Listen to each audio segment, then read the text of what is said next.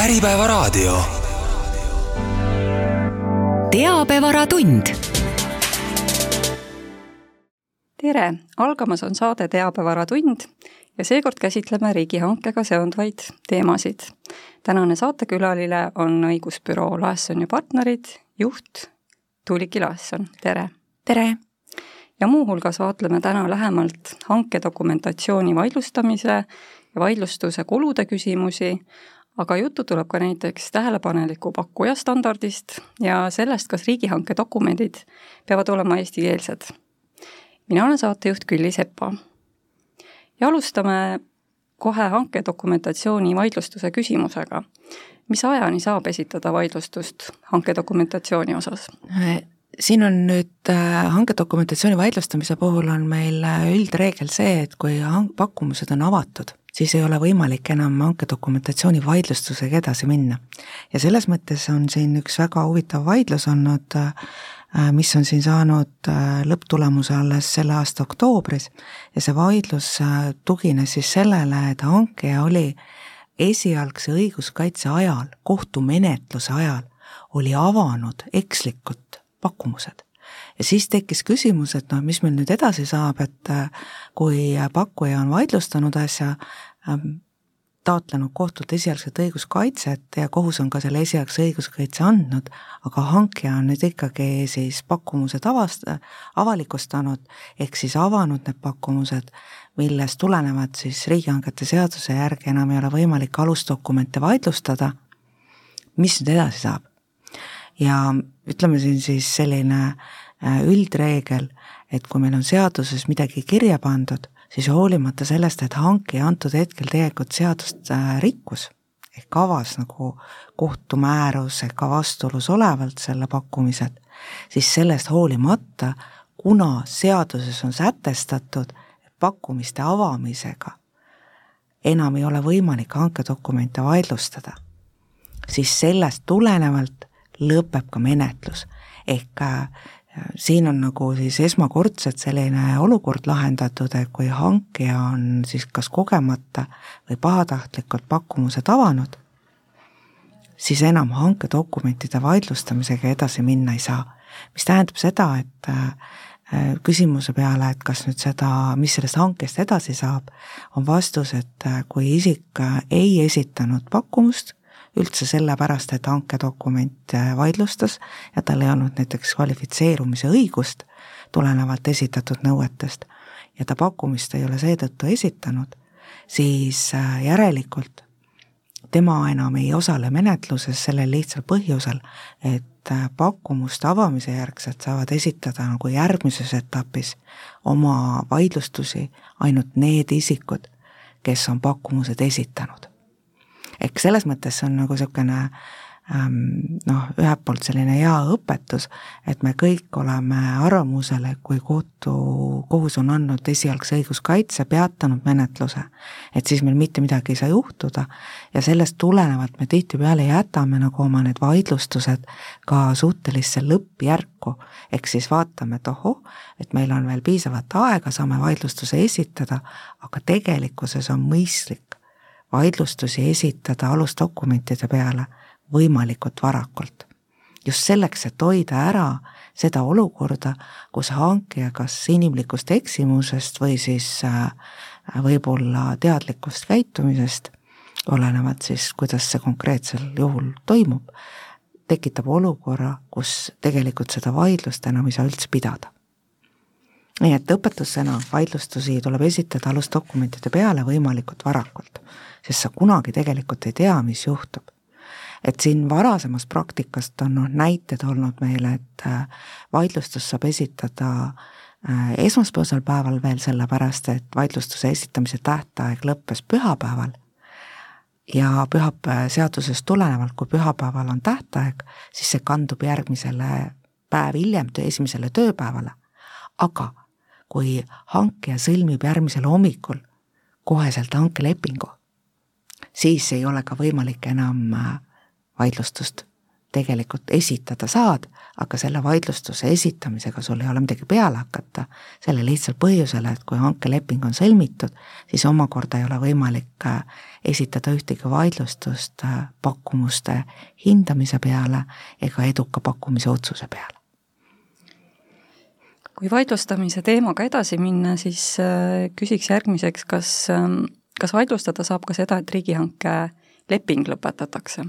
Äh, jah, siin on nüüd äh, vaidlustatud erinevaid äh, lepinguid ja üks selline huvitav lepingu lõpetamise alus on tegelikult ka see, et kui meil leping lõpetatakse sellepärast, eelnev hankeleping lõpetatakse sellepärast, et riigihanget ei ole korrektselt läbi viidud. eks siiamaani meil ei ole nagu olnud selliseid juhtumeid, et hanke ütlebki, eelnevalt ei teostatud korrektselt riigihanget ja sellest tulenevalt ma selle hankelepingu, mis on nüüd sõlmitud, ebakorrektselt läbi viidud hankemenetluse tõttu nagu käigus, et kuna see hankemenetlus oli ebakorrektne, siis ma selleks, et tagada riigihangete põhimõtete täitmine, ma lõpetangi juba sõlmitud hankelepingu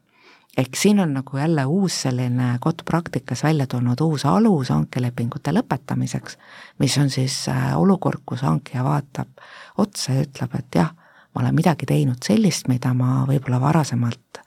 ei oleks tohtinud teha, aga selleks, et kõrvaldada nüüd siis äh, seda olukorda, ma lõpetan selle lepingu ära. et siin on muidugi oma küsimus nüüd, et kui suur on selle ähm, hankelepingu teise poole ehk siis hankelepingu täitja selline, kuidas ma siis ütlen, et äh, kui, kas ta saab esitada mingeid nõudeid, et kas talle teavitati sellest piisavalt ette, et see kõik peab toimuma, eks ju, lepingu järgi, aga põhimõtteliselt seda, et on olemas uus erakorraline nagu ülesütlemise alus, et hankelepingut ei olnudki sõlmitud üldse korrektselt, et äh, see on siis nüüd kohtupraktikas saanud kinnitust. et väga põnev ja kui palju selliseid juhtumeid viimasel ajal on? no siin on, äh, võib eeldada, et kuna meil on hästi palju ka selliseid lihthankeid ja riigihanke piirmääradega seoses olevaid võib-olla selliseid problemaatilisi kohti, et et kus on nibin-nabin läinud üle lihthanke piirmäära või midagi taolist, et siis äh, võib eeldada, et neid ikkagi on. või kui on nagu ühe isiku poolt on äh, soovitud äh, rakendada mingit erandit ja siis hilisemalt selgub, et seda erandit ei saagi rakendada sellel põhjusel, et seda ei ole võimalik mitte kuidagiviisi äh, nagu reaalselt äh, ei oleks võimalik siis nagu tegelikult käituda selle järgi. kas hankelepingut saad lõpet-, saab lõpetada ka usaldusväärsuse kaotamise tõttu äh,? Jah, vot see on selles mõttes nagu niisugune väga põnev probleem olnud, et kui meil on äh, juhatuse liikmete usaldusväärsusega teema. et see puudutab nüüd olukordi, kus on mitu erinevat äriühingut, kellel kõigil on üks ja sama juhatuse liige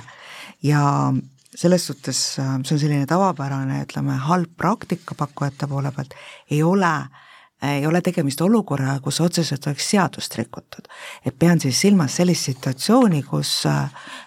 seotud isikud, mitu erinevat pakkujat kes on omavahel siis äh, kas lepingulistes suhetes seotud või siis isiku kaudu, juhatuse liikme kaudu seotud, et nad esitavad siis ähm, äh, pakkumusi piltlikult öeldes nii, et erineva hinnaga teevad pakkumusi. Ja juhul, kui nüüd selgub, et mõlemad pakkujad on saavutanud esimese ja teise koha hinna poole pealt, et siis esimese koha omanik ütleb siis oma ähm, hankelepingu sõlmimise võimalusest ära, ehk mitte madalam hind ei võida, vaid võidab siis õnnelik teise koha omanik, kes on tegelikult seotud isik. ja nüüd on äh, see olukord, et on võimalik siis neid, äh, et on võimalik siis äh, kui selline asi avastatakse, siis on võimalik ka meil nüüd juba sõlmitud hankelepinguid tegelikult lõpetada, kui selgub, et pahatahtlikult on käitutud niimoodi, et on nagu noh, ütleme siis esitatud teadlikult pakkumusi olukorras, kus äh, pakkujaga, kaks pakkujat omavahel seotuna esitavad pakkumusi ja üks pakkuja võtab siis oma pakkumused tagasi. et see on,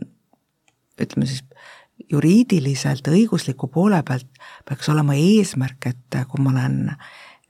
edukaks pakkujaks määratud, et mul ei ole võimalik seda niisama lihtsalt tagasi võtta.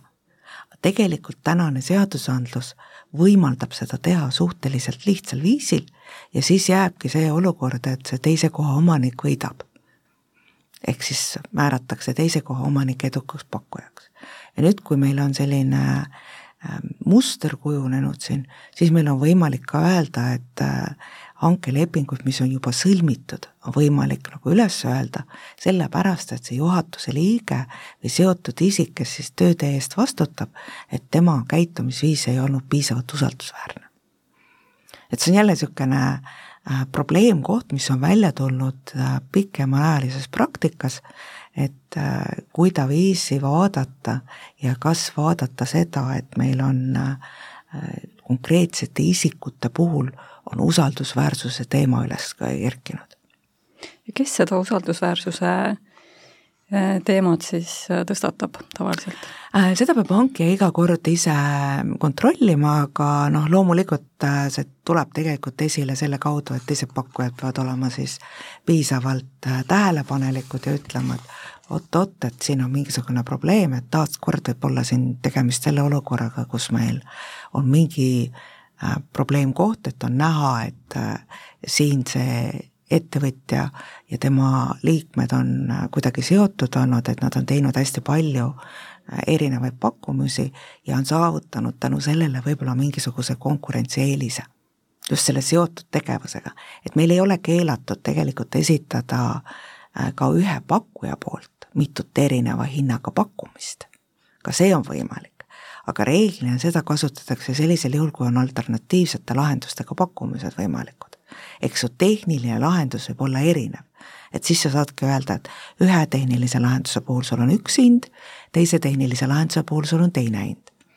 aga see konkreetne ütleme siis see usaldusväärsuse teema kerkib esile just eelkõige sellel juhul, kui meil on alternatiivsed pakkumused ei ole lubatud, aga meil on olnud võimalus, nagu me, kuidas ma ütlen, esitada erinevate äriühingute poolt siis pakkumusi ja on tekkinud siis see muster, et võetakse nagu pakkumusi tagasi siis. ehk võetakse tagasi selle läbi, et öeldakse oi-oi, et ma unustasin siin mingi asja tähelepanematult äh, ära ja seetõttu selle hinnaga tegelikult ei ole võimalik ikkagi seda tööd teha. ehk pakkuja ise hakkab äh, põhjendama seda tagasivõtmist, et pakkumus on põhjendamatult madala maksumusega kui nüüd hange tunnistatakse vaidluse ajal kehtetuks, äh, siis rääkides vaidlustuse kuludest, kes sellises olukorras kulud katab? see on selles suhtes ähm, selline kahe otsaga probleem, et meil on olnud äh, väga pikka aega, oli äh, riigihangetes selline olukord, kus vaidlustusmenetluses kolmanda isiku kulusid ja hankija kulusid, kui vaidlustati hankija tegevus, et neid hankija kulusid ei kaetud kellegi poolt. nüüd äh, täna on meil situatsioon ja seadusandlus selline, et kui me läheme vaidlustust esitama, siis me peame arvestama sellega, et hankijal on tegelikult õigus võtta endale esindaja, et enam hankijaks olekut ei peeta olukorraks, kus kohas tal ei ole esindajat, ehk hankija võib igal ajahetkel võtta endale esindaja ja kui hankija võidab selle vaidluse, siis pakkuja peab arvestama sellega, et ta katab ka hankija menetluskulud ehk siis vaidlustuse esitamisega seotud vaidlustuse läbiviimisega ja kohtumenetluse kulud. kui küsida, et milline see kulude suurusjärk on, et siis piltlikult öeldes ka lihtsamate vaidlustuste puhul see kulude suurusjärk seal hankija poole pealt, et pakkuja esitab vaidlustuse, Vakko vaatab seda läbi, vaidlustuskomisjon vaatab läbi, siis hankijale tekkiv kulude suurus, kui ta võtab endale väljapoolt õigusabi, on kusagil vahemikus kaks kuni kolm tuhat eurot kui nüüd minnakse edasi halduskohtusse, siis see kulude suurusjärk jääb umbes samaks. Äh, kui minnakse edasi veel ringkonnakohtusse, äh, siis ütleme, ringkonnakohus ei mõista välja suuremat kulu kui esimeses astmes, aga äh, lai-, reeglina, aga laias laastus on see sama suur kulu siis, kui oli vaidlustusmenetluse kulu ja siis esimese astme kulu. Ehk siis sul nagu kui, kui nagu vaadata, milline on hankija kulu, kui läbida kaks astet pluss vaidlustuskomisjon, siis see on seal suurusjärgus üheksa kuni kümme tuhat eurot. sellele lisandub kolmanda isiku kulu. ehk kui me läheme vaidlema näiteks äh, äh, eduka pakkumise otsust, siis meil on seal juures olemas lisaks hankijale, meil on ka kolmas isik ehk isik, kes tunnistati edukaks pakkujaks. tema kulude suurus on analoogne hankija kulude suurusega ehk kui me vaidlustame nüüd äh, alusdokumente ehk ainult hankija tegevust, siis me peaksime nagu eeldama seda, et meie kulude suurus on seal, kui me vaidleme, võib olla, kui me käime läbi kõik astmed, siis esimese ja teise astme võtame eelduse, et Riigikohus ei võta menetlusse, et siis meil on kulude suurus kümme tuhat. kui Riigikohus võtab menetlusse, siis see võib ulatuda kuni viieteist tuhandeni. Aga kui me nüüd vaidleme seda eduka pakkuja otsust, siis me saame tegelikult korrutada selle numbri kahega, ehk me võime öelda, et meie kulude suurus on siis äh, sellisel juhul, kui meil äh, ei lähe hästi, ehk meil ei ole tegelikult see, kohus leiab ja Vako ja kohus leiavad, et meie vaidlustus ei ole põhjendatud, siis meie kulude suurus võib ulatuda seal kuueteist kuni kahekümne tuhandeni. see on kulud, mis tulevad teise poole kuludest, sellele lisandub veel enda kulu. Ehk selles mõttes äh, kulude jaotus ja kulude maksmine on tegelikult hästi suur äh, küsimus, kui sul on väga väikene äh, kate sellel võidul siis, ehk siis piltlikult öeldes, et kui su, kui see on tegemist väikese hankega, siis väikeste hangete puhul sellest samast vaidlustuse kuludest tulenevalt keegi ei hakkagi enam vaidlema see on nagu vaidlustuste kulude suurus on nagu vaidlustuste esitamist välistav olukord või siis vaieldakse ainult VAKO-s. et ei minda sellepärast edasi, et lihtsalt nende kulude suurus ei kata ära. et meil on liiga, liiga palju on nagu, liiga suureks lähevad need kulud ja nüüd siis, siis küsimus, mis siin on alati, et äh, täiendavalt, et kui meil hankija, et esitasime vaidlustuse, hankija vaatab tegelikult peale, ütleb jaa, näed, siin on tõesti, see asi on tehtud valesti. et juhul, kui meie võidame nüüd, võidaksime, siis hankija kannaks kulud. ehk siis pakkuja kulud kannaks hankija, kui pakkujal on õigus menetluses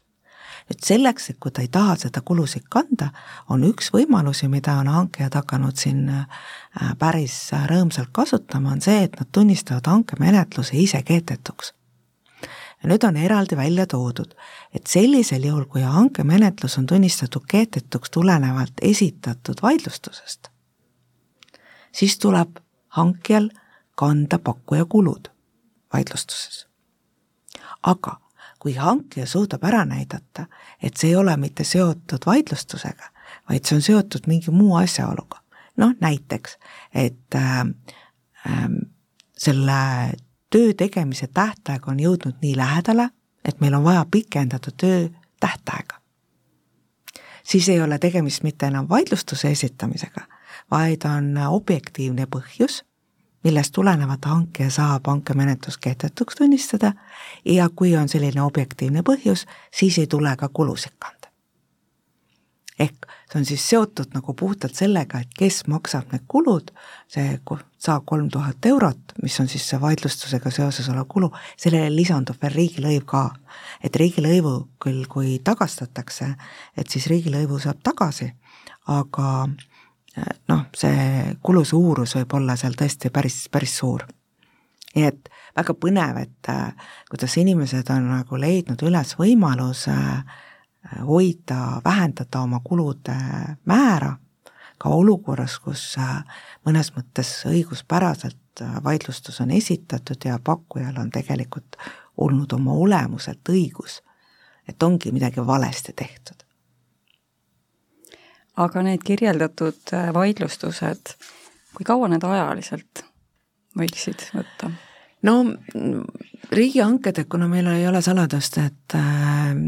kohtumenetlused on tegelikult pikad, aga vaidlustusmenetlustele, ütleme siis riigihanke vaidlustusega seotud menetlustele on lühendatud tähtajad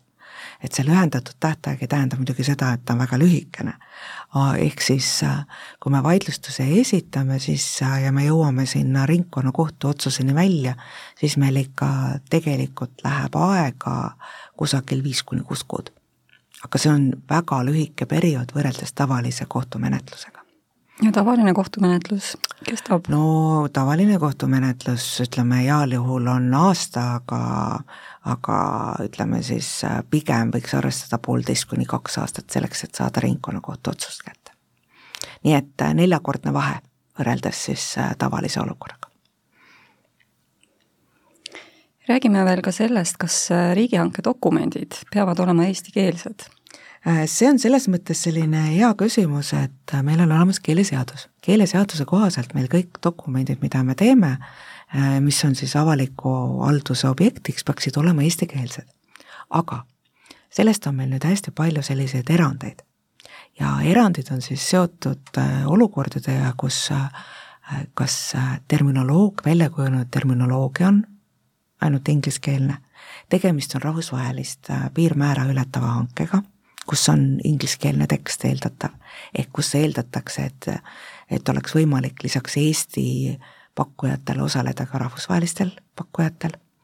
et sellistel juhtudel võib olla siis äh, hankedokumentatsioon ka ainult ingliskeelne. aga siin on üks suur aga ja see suur aga on seotud sellega, et äh, kui me jõuame kohtumenetlusse, siis me peame olema valmis selleks, et kohtumenetluses, mis on nüüd eestikeelne menetlus, et kohtumenetluses oleks meil äh, tõlk nagu olemas tõlked eesti keelde. ehk siin on äh, selles mõttes niisugune ähm, nagu mõnes mõttes äh, problemaatiline olukord, et hankemenetluse me võime saada õnnelikult läbi ingliskeelse menetlusena. aga kui tuleb vaidlus ja jõuab asi kohtusse, siis meil tekib olukord, et meil on vaja eestikeelset lahendust mis omakorda tähendab äh, tegelikult seda, et kui me vaatame nüüd äh, ähm, pakkujatele esitatavad nõudeid, siis pakkumus võib olla esitatud äh, ingliskeelsena, aga seal peab olema alati juures eestikeelne dokumentatsioon. hankija tegevus võib pigem olla ingliskeelne. sest kui on välismaised pakkujad, siis nemad ei vaidlusta ingliskeelset tegevust, sest nad saavad sellest aru. Neil ei ole probleemi, et ei ole eestikeelne. küll aga, kui keegi läheb nüüd kohtusse vaidlustama, siis meil võib tekkida olukord, kus spetsiifilist eriala terminoloogilist teksti ei suuda kohus lugeda sellisel viisil ja meil läheb siis vaja eestikeelset tõlget. kas referentsteenuste osutamine peab olema lihtsalt toimunud või, või peab olema toimunud õiguslikul alusel, see tähendab, peab olema ka leping. Äh, siin on jah üks hästi huvitav äh, kohtuotsus olemas äh, selle aasta septembrist ja puudutas siis olukorda, kus oli pakkujatele esitatud nõue, et nad peavad olema täitnud nii ja nii mitu lepingut ja üks pakkuja esitas, et jah, et ta on täitnud need lepingud, aga hilisemalt selgus, et äh, järelpärimise peale hankija järelpärimise peale siis selgus, et tegelikult seda ei ole täidetud ja äh, sellega seoses, kuna selgus, et seda ei ole täidetud, siis tekkis üles küsimus, et äh, mida siis tehtud oli. ja siit tekkis nüüd niisugune absurdne situatsioon, kus meil lepinguline suhe pakkujal ja tema teenuse tellijal oli tekkinud sellisel viisil, et äh, leping, hankeleping, mis oli sõlmitud, hankelepingu täitja oli kustutatud äriregistrist. ja seda tegevust oli hakanud ise omaalgatuslikul korral siis pakkuma see isik, kes pakkujana osales. ehk ta, seal ei olnud nagu vaidlus selles, et äh, seda tegevust ta on teinud, küll aga oli vaidlus selles, et see tegevus, mida oli tehtud, selle tegevuse aluseks ei olnud lepingut. ja nüüd äh, kohtus, kui see asi siis äh, edasi läks, et noh, hankija ütles selle peale, et ei, ei, et meil ju igal juhul meil on selline situatsioon, kus meil on nüüd olukord, et meil äh, tegelikkuses äh, seda õiguslikku alust ei olnud selle lepingu jaoks, selle täitmise jaoks, järelikult täitmine on toimunud küll, aga me ei saa seda kontrollida, kas, millisel viisil see täitmine toimus. Ja siin kohus ütles, et kui meil on olukord, kus on seda teenust osutatud eelnevalt niimoodi, et meil ei ole äh, fikseeritud lepingus tingimusi, millele see teenus peab vastama, siis ei ole ka võimalik kontrollida, kas see teenus vastas nendele tingimustele või ei vastanud ja järelikult, kui meil on esitatud nõue, et peab olema näidatud, millised on äh, need referentslepingud, mida on täidetud, siis olukorras, kus lepingut tegelikkuses ei eksisteerinud, ei ole ka võimalik näidata lepingu täitmist. et see tundub nagu pealtnäha selline olukord, et noh, et täitsa üksik noh, juhtum, et mida see siin siis nüüd tähendab, et õiguslikku alust ei olnud selle lepingu jaoks, aga tegelikult see võib endaga kaasa tuua, see lähenemise viis äh, saab endaga kaasa tuua ja võib endaga kaasa tuua selle, et meil hakatakse vaatama seda, et kas need lepingute täitmised toimusid äh, täpselt lepingu järgi või toimusid nad näiteks muudetud lepingu järgi. ja kui nad toimusid muudetud lepingu järgi, kas see lepingu muutmine toimus õiguspäraselt või mitte. ehk siis, kui meil on äh, kohus leidnud, et äh, hankelepingute täitmisel tuleb mõista ainult õiguslikult korrektsel viisil sõlmitud hankelepinguid, siis see hõlmab endast ka seda, et hankelepingute muutmine peab olema toimunud korrektselt. ja see on siis nüüd see pool, kus kohas on meil oluline nagu teada, et mis asi see hankelepingu muutmine siin on olnud ja siit omakorda on nagu väga äh, kaks sellist huvitavat teemat nagu üleval olnud, et hankelepingu muutmine saab toimuda ka, nii imelikkusega ei kõla, ka sellisel juhul, kui äh, pakkuja on soovinud hankelepingut muuta, hankelep-, hankija ei soovi hankelepingut muuta ja pakkuja on läinud nüüd muutmise kohustamiseks. Hankija vastu hankelepingu täitmise ajal kohtusse, nõudmaks hankelepingu muutmist. ja nüüd, kui kohtus ollakse ja kohus vaatab sellele peale, siis üks hankelepingu muutmise viise on siis see, et jõutakse kompromisslepinguni. ehk tehakse kohtulik kompromiss. sellisel juhul see kohtuliku kompromissi sõlmimine sisuliselt asendab meile hankelepingu muutmist et selles mõttes on selline eh, ka selle aasta, sellest aastast nagu pärit praktika, kus on siis vähemalt eh, kohtupraktikas on esimest korda käinud läbi hankelepingu muutmine kompromissi korras kohtus. et väga selline spetsiifiline ja väga, eh, väga põnev tegelik alus, et kuidaviisi on võimalik minna ja jõuda nagu selleni, et hankelepingu muutmine on toimunud ja teine hästi põnev selline situatsioon on olnud, mida on siis kohtud nüüd hankelepingu äh, täitmise osas siin alles hiljuti vaadanud, on olnud see küsimus, et kas sellisel juhul, kui hankelepingus oli fikseeritud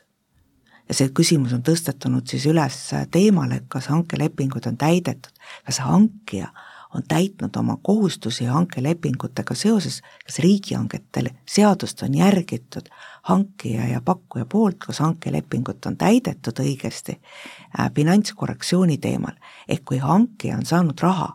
Euroopa Liidu rahastust, siis hankijal on kohustus koheselt näidata Euroopa Liidu äh, rahastuse järgimist kontrollivatele institutsioonidele, et ta on täitnud hankelepingut korrektselt, et hankelepingut ei ole muudetud ja siin üks hästi huvitav selle aasta sügisene kohtulahend oli, kus äh, ringkonnakohus leidis, et äh, olukord, kus hankelepingu täitmisel oli hankija jätnud pakkujalt ehk siis töövõtjalt, tellija, hankija, jättis töövõtjalt nõudmata tagatise esitamise. ehk hanke alusdokumentides oli kirjas, et sellel hetkel, kui hanget hakatakse teostama, siis peab äh, pakkuja esitama kümneprotsendise täitmistagatise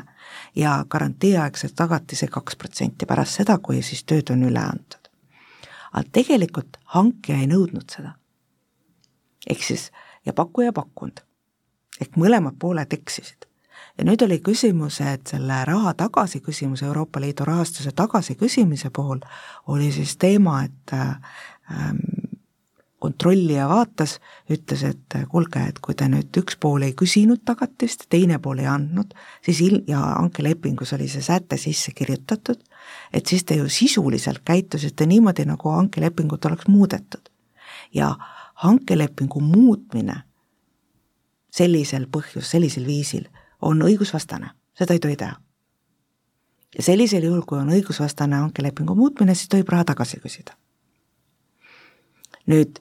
kohus leidis, et äh, kui hankelepingut soovitakse muuta, siis hankelepingu muutmine peab toimuma igal juhul äh, võlaõigusseaduses sätestatud vormis, ehk siis meil peab toimuma tahteavaldused ühelt poolt ja teiselt. Ehk mõlemad pooled peavad olema selle olukorraga siis nõus ja see peab olema fikseeritud kuidagiviisi.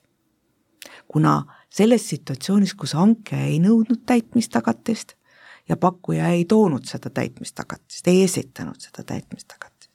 siis faktiliselt nad küll käitusid niimoodi, nagu oleks muudetud hankelepingut. aga allkirjastamisele sellist hankelepingu muudatust ei läinud. Nad käitusid nii, nagu nad oleksid sellega nõus? jah, nad käitusid mm -hmm. nii, nagu nad oleksid sellega nõus, aga kuna hankelepingut äh, füüsiliselt ei muudetud, siis äh, ringkonnakohus leidis, kuna füüsilist muudatust ei tehtud, siis järelikult hankelepingut küll ei täidetud korrektselt, aga hankelepingu muutmist iseenesest ei toimunud. Ehk see on nagu see koht, kus kohas me saame nagu vaadata otsa, öelda, et äh, juriidika on imepärane, sellepärast et äh, kui pooled tegelikult käituvad ühtemoodi, aga jätavad siis äh, noh, nagu selle äh, muudatuse fikseerimata, et siis võiks nagu eeldada, et poolte tahe oli suunatud sellele, et hankelepingut kasutada sellisel viisil, et justkui neid tagatisi ei olekski, mis on ilmselge rikkumine. Aga väga põnev, ehk siis äh, tõenäoliselt seal siis nüüd on äh,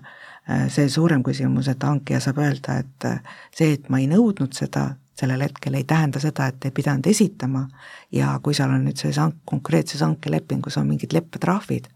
et siis on nüüd see küsimus, et kas neid leppetrahve saab nõuda veel sellelt töövõtjalt ehk pakkujalt selle eest, et ta tagatisi ei esitanud oma enda poolt, saab nõuda veel tagantjärgi. Et kui seal selline nõue esitatakse ja näiteks kohus leiab, et jah, oleks võimalik nende tagantjärgi esitamine, selle nõude esitamine, et maksa leppetrahv ära, et mi-, mis oli sul siis sunnitud, sellest tulenevalt, et sa tagatisi ei esitanud, et siis äh, pakkuja peab ka siis need leppetrahvid tasuma tagantjärgi. see on nagu väga suure sellise mõjuga ala, et tundub nagu hästi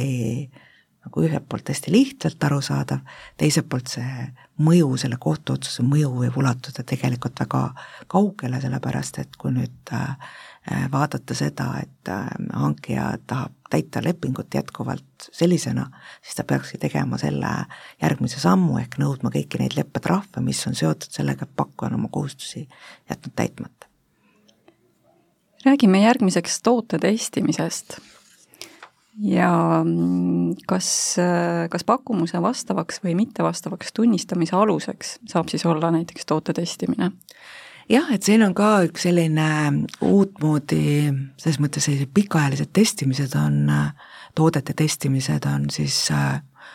uutmoodi trend kujunenud välja ja seda eelkõige nendes, äh, nende toodete puhul, mis eeldavad pikaajalist kas siis äh, elektrisüsteemist eraldiseisvat töökindluse tagamist või siis see, et mingisugune infotehnoloogiline lahendus toimib teatud perioodi jooksul nii et ta ei ole siis, temaga ei ole midagi tehtud ega toimetatud. Ähm, ja siin äh, kohtu vastus on tegelikult see, et kui äh, hankija on näinud hankedokumentides ette, et äh, mingit toodet tuleb testida, ehk siis selle toote puhul on ette nähtud näiteks neljakümne kaheksa tunnine toote töötamise aeg, et kohustuslik aeg, et see toode vastab sellisel juhul nõuetele, kui ta töötab järjest nelikümmend kaheksa tundi. Siis on hankijal ja hankija on pannud juurde, et ta võib rakendada selle toote nõuetele vastavuse kindlaks tegemisel ka testimist. et siis see tähendab tegelikult seda, et see testperioodi pikkuseks ongi see nelikümmend kaheksa tundi, ehk siis see tootele ette nähtud ajavahemik, millal see toode peab töötama, ja hankijal on õigus kõiki esitatud toodete prototüüpe äh, testida ja juhul, kui mõni nendest prototüüpidest ei tööta, siis tal on õigus öelda, et see toode ei vasta nõuetele. ehk piltlikult öeldes, et kui hankija on alusdokumendis ette näinud, et näiteks tuleb esitada viis toodet ja kui nendest viiest tootest üks toode ei tööta, siis on võimalik hankijale öelda alusdokumentidele tuginedes, et see pakkumus ei vasta nõuetele, kuna tooted, kõik tooted, mis olid esitatud, ei läbinud testperioodi. hankija kohustus sellisel juhul on see, et ta peab selle testperioodi läbimise äh, fikseerima nagu adekvaatselt, et see oleks üheselt arusaadav. kas läbis või ei läbinud, eks seal ei tohi ka äh, selle testimise või selle valdkonna kaugel inimesel ei tohi jääda muljet, et midagi on võib-olla toimunud valesti. vaid et hankija ülesanne on siis tõesti testperiood äh, fikseerida, äh, näidata ära, kuidas ta on siis seadmeid kasutanud selle testperioodi jooksul, et kas nende seadmete kasutamine on olnud tavapärane kasutamine, mis on sellele tootele tulevikus ette nähtud. nüüd pakkuja jaoks tähendab see tegelikult seda riski, et kui tal on ette nähtud kohustus esitada mitu toodet, et need kõik tooted läbiksid. et kui ta esitab seal kõik need tooted, siis ta peabki olema veendunud, et kõik tooted läbivad. sest ainuüksi ühe toote läbimata jätmisest piisab selleks, et äh, öelda, et see asi ei vasta nõuetele et see on selles mõttes väga põnev. Ja just nimelt selles mõttes põnev, et need testimise tulemused on niisugused äh, väga selgesõnalised, vastab või vasta, ja siin on üks see põnevuse moment on veel või noh, nagu juriidiliselt, mis teeb selle asja nagu huvitavaks, võib teha, on, et kui pakkuja nüüd iseseisvalt otsustab, et ta näiteks ei pane mitte äh, viis toodet, ütleme, et oli esitatud nõue, et sul peab olema viis toodet, vaid paneb, äh, esitab kuus toodet tal on nagu õigus esitada äh, ja õigus selles mõttes, et tal võivad olla need tooted tehnilise lahenduse mõttes erinevad. et toodetele tehnilist lahendust ei ole ette kirjutatud, on öeldud funktsionaalsus, mida ta peab täitma, aga see, milline tehniline lahendus on, et see ei oma tähtsust. nüüd, kui ta esitab sinna äh, testimisele koos pakkumusega esitab rohkem tooteid, kui oli kohustuslikus korras ette nähtud, siis saab siin ühe teise kohtulahendi analoogia alusel öelda, et kui meil oli esitatud rohkem tooteid või rohkem isikuid, sest teises asjas oli jutt siis, et äh, mitte tooteid ei pakutud, vaid teenuseleping ja pidid olema, isikutele oli esitatud siis nõuded. et kui meil on siis rohkem, pakkuja on ise esitanud rohkema arvuga kas tooted või siis isikud, kes teenust hakkavad pakkuma, siis kõik need pakkuja poolt esitatud tooted või isikud peavad vastama nõuetele. et selles mõttes on see väga äh, põnev just selles kontekstis, et tavapäraselt meil pakkujad vaatavad sedapidi, et äh, kui on viis isikut või viis toodet vaja esitada ja kui nad esitavad näiteks kaheksa noh, ise pakuvad välja, et oo, mul on veel need lahedad inimesed või lahe, et mul on selline lahe toode, aga kui sa esitad neid rohkem, siis sul kõik need tooted, kõik need inimesed peavad vastama kõigile nõuetele. räägime nüüd veel ka tähelepaneliku pakkuja standardist, mis see on? see on meil siis selline väljend, mis ei tähenda seda, et meil oleks reaalselt olemas seda standardit kui sellist et kui me muidu standardi puhul mõtleme, siis äh, tõesti sellist äh, Eesti Standardikeskuse kaudu ostetavat standardit, et siis siin selles äh, mõistes tähelepaneliku pakkuja standard, me ei mõtle mitte siis standardikeskuse kaudu ostetavat standardit, vaid me mõtleme siis seda, et meil on olemas selline keskmine isik, kellele me omistame kõik need kohustused, mis on pakkujale ette nähtud. ehk meil on selline imaginaarne isik ja selle imaginaarse isiku ehk siis selle tähelepaneliku pakkuja puhul on oluline, et äh, ajas võivad nõuded muutuda. ehk siis äh, piltlikult öeldes, et kui meil äh, siin kümme aastat tagasi oli üks kohustuste ring, mis oli pakkujal, siis nüüd meil on teine kohustuste ring, mida pakkuja peab täitma selleks, et äh, ta täidaks tähelepaneliku pakkuja ähm, kriteeriumi. noh, näitena, et meil varasematel aegadel on olnud situatsioon, kus siis äh, on leitud, et pakkuja on käitunud tegelikult õiguspäraselt, kui tal ähm, alusdokumentides tekkivates küsimustes ei ole mitte esitanud küsimust hankijale, vaid on rakendanud siis äh, seda arusaama, mis on äh, väljaspool riigihanget ehk erasektoris olevatel pakkujatel selles samas küsimuses. praegu, kui me vaatame seda, et mida siis äh, riigihangetes isik peab tegema, et kui meil jääb mingisugune kahtlus tekib, alusdokumentides sisalduva informatsiooni osas, siis meil see tähelepanelik pakkuja peaks esitama koheselt küsimused hankijale kui hankija ei vasta nendele küsimustele adekvaatselt, siis äh, on võimalik öelda, et äh, rakendub äh, erasektoris samasugusele, samasuguses küsimuses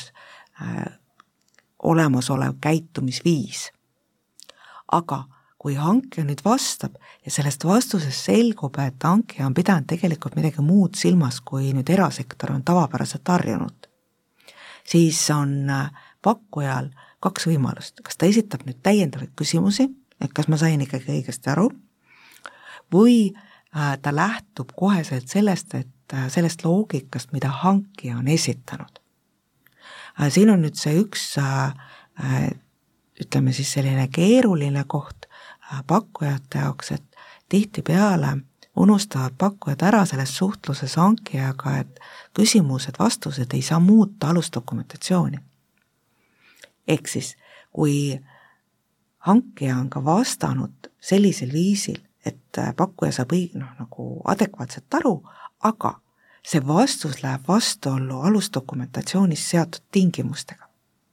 siis tegelikult hankija vastus küsimusele ei päde. ehk siis äh, õiguslikult see hankija vastus küsimusele ei ole siduv ja kohalduvad ikkagi alusdokumentatsioonis esitatud äh, nõuded ehk see on nagu selline ähm, ütleme, juba võib öelda klassikaliseks kujunenud äh, pakkujate eksimus, et äh, hankija ei pannud tähele vastuse puhul või ei tulnud selle peale, et ta oleks pidanud tegelikult alusdokumentatsiooni muutma, selleks, et viia alusdokumentatsioon ja vastus küsimusele kooskõlla, ja pakkuja, uskudes nüüd seda, et küsimuste-vastuste kaudu on andnud hankija oma sisu esitab pakkumuse, mis vastab küll küsimusele esitatud vastusele, aga kaugeneb omakorda hankedokumentatsioonist, on tegelikult tekitanud enda jaoks olukorra, kus tema pakkumus ei vasta enam pakkumusele, eh, pakkumustele esitatavatele tingimustele. et see on selles mõttes niisugune ähm, piiri peal käimine, see on nagu joone peal käimine, et ühelt poolt äh, pakkuja peab küll esitama küsimusi, aga teiselt poolt pakkuja peab ka saama aru, et äh, alu-, kui alusdokumendid ja vastused, hankija vastused küsimustele lähevad omavahel vastuollu, et siis tegelikult ta peab küsima, kas te muudate ka alusdokumente. sest muidu alusdokumendid prevaleerivad ehk on äh, kohustuslikud ikkagi hoolimata sellest, mida siis äh, hankija seal küsimusele vastas aga see loogika jah, et meil on äh, siis vaja, meil on siis vaja äh, hankijal on, kui mingi see, mingi segadus on äh,, siis on vaja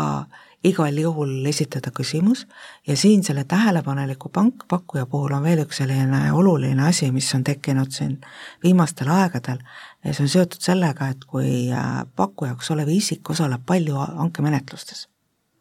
siis võetakse eeldus, et ta oskab hankemenetlustes käituvat hankijat rohkem lugeda, ehk ta peab nagu saama aru, mis on lubatud ja mis ei ole lubatud, rohkem kui siis äh, äh, ühekordselt või esmakordselt äh, hankemenetluses osalev isik.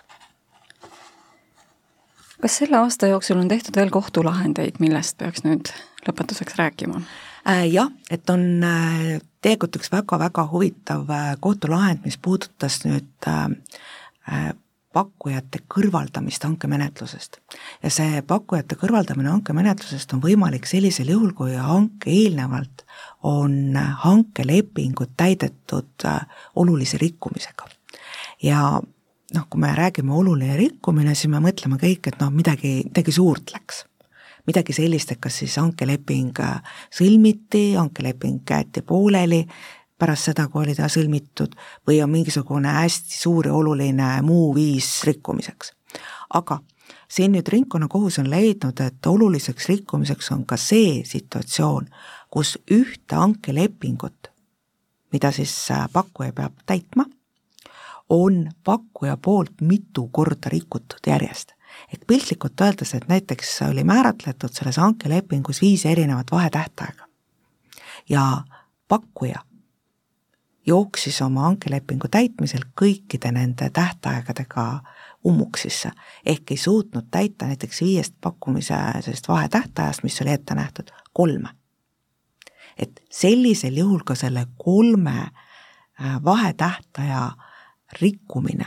loetakse hankelepingu oluliseks rikkumiseks. ja juhul, kui meil on toimunud hankelepingu oluline rikkumine, siis on võimalik, et äh, tulevases riigihankes seda pakkujat ei kvalifitseerita enam. ehk kõrvaldatakse ta siis menetlusest, kuna tal on eelnevalt hankelepingute osas oluline rikkumine olnud. sellega on tänane saade lõppenud. aitäh, Tuulik Kiloasson, aitäh kuulajatele, eetris oli saade Teabevaratund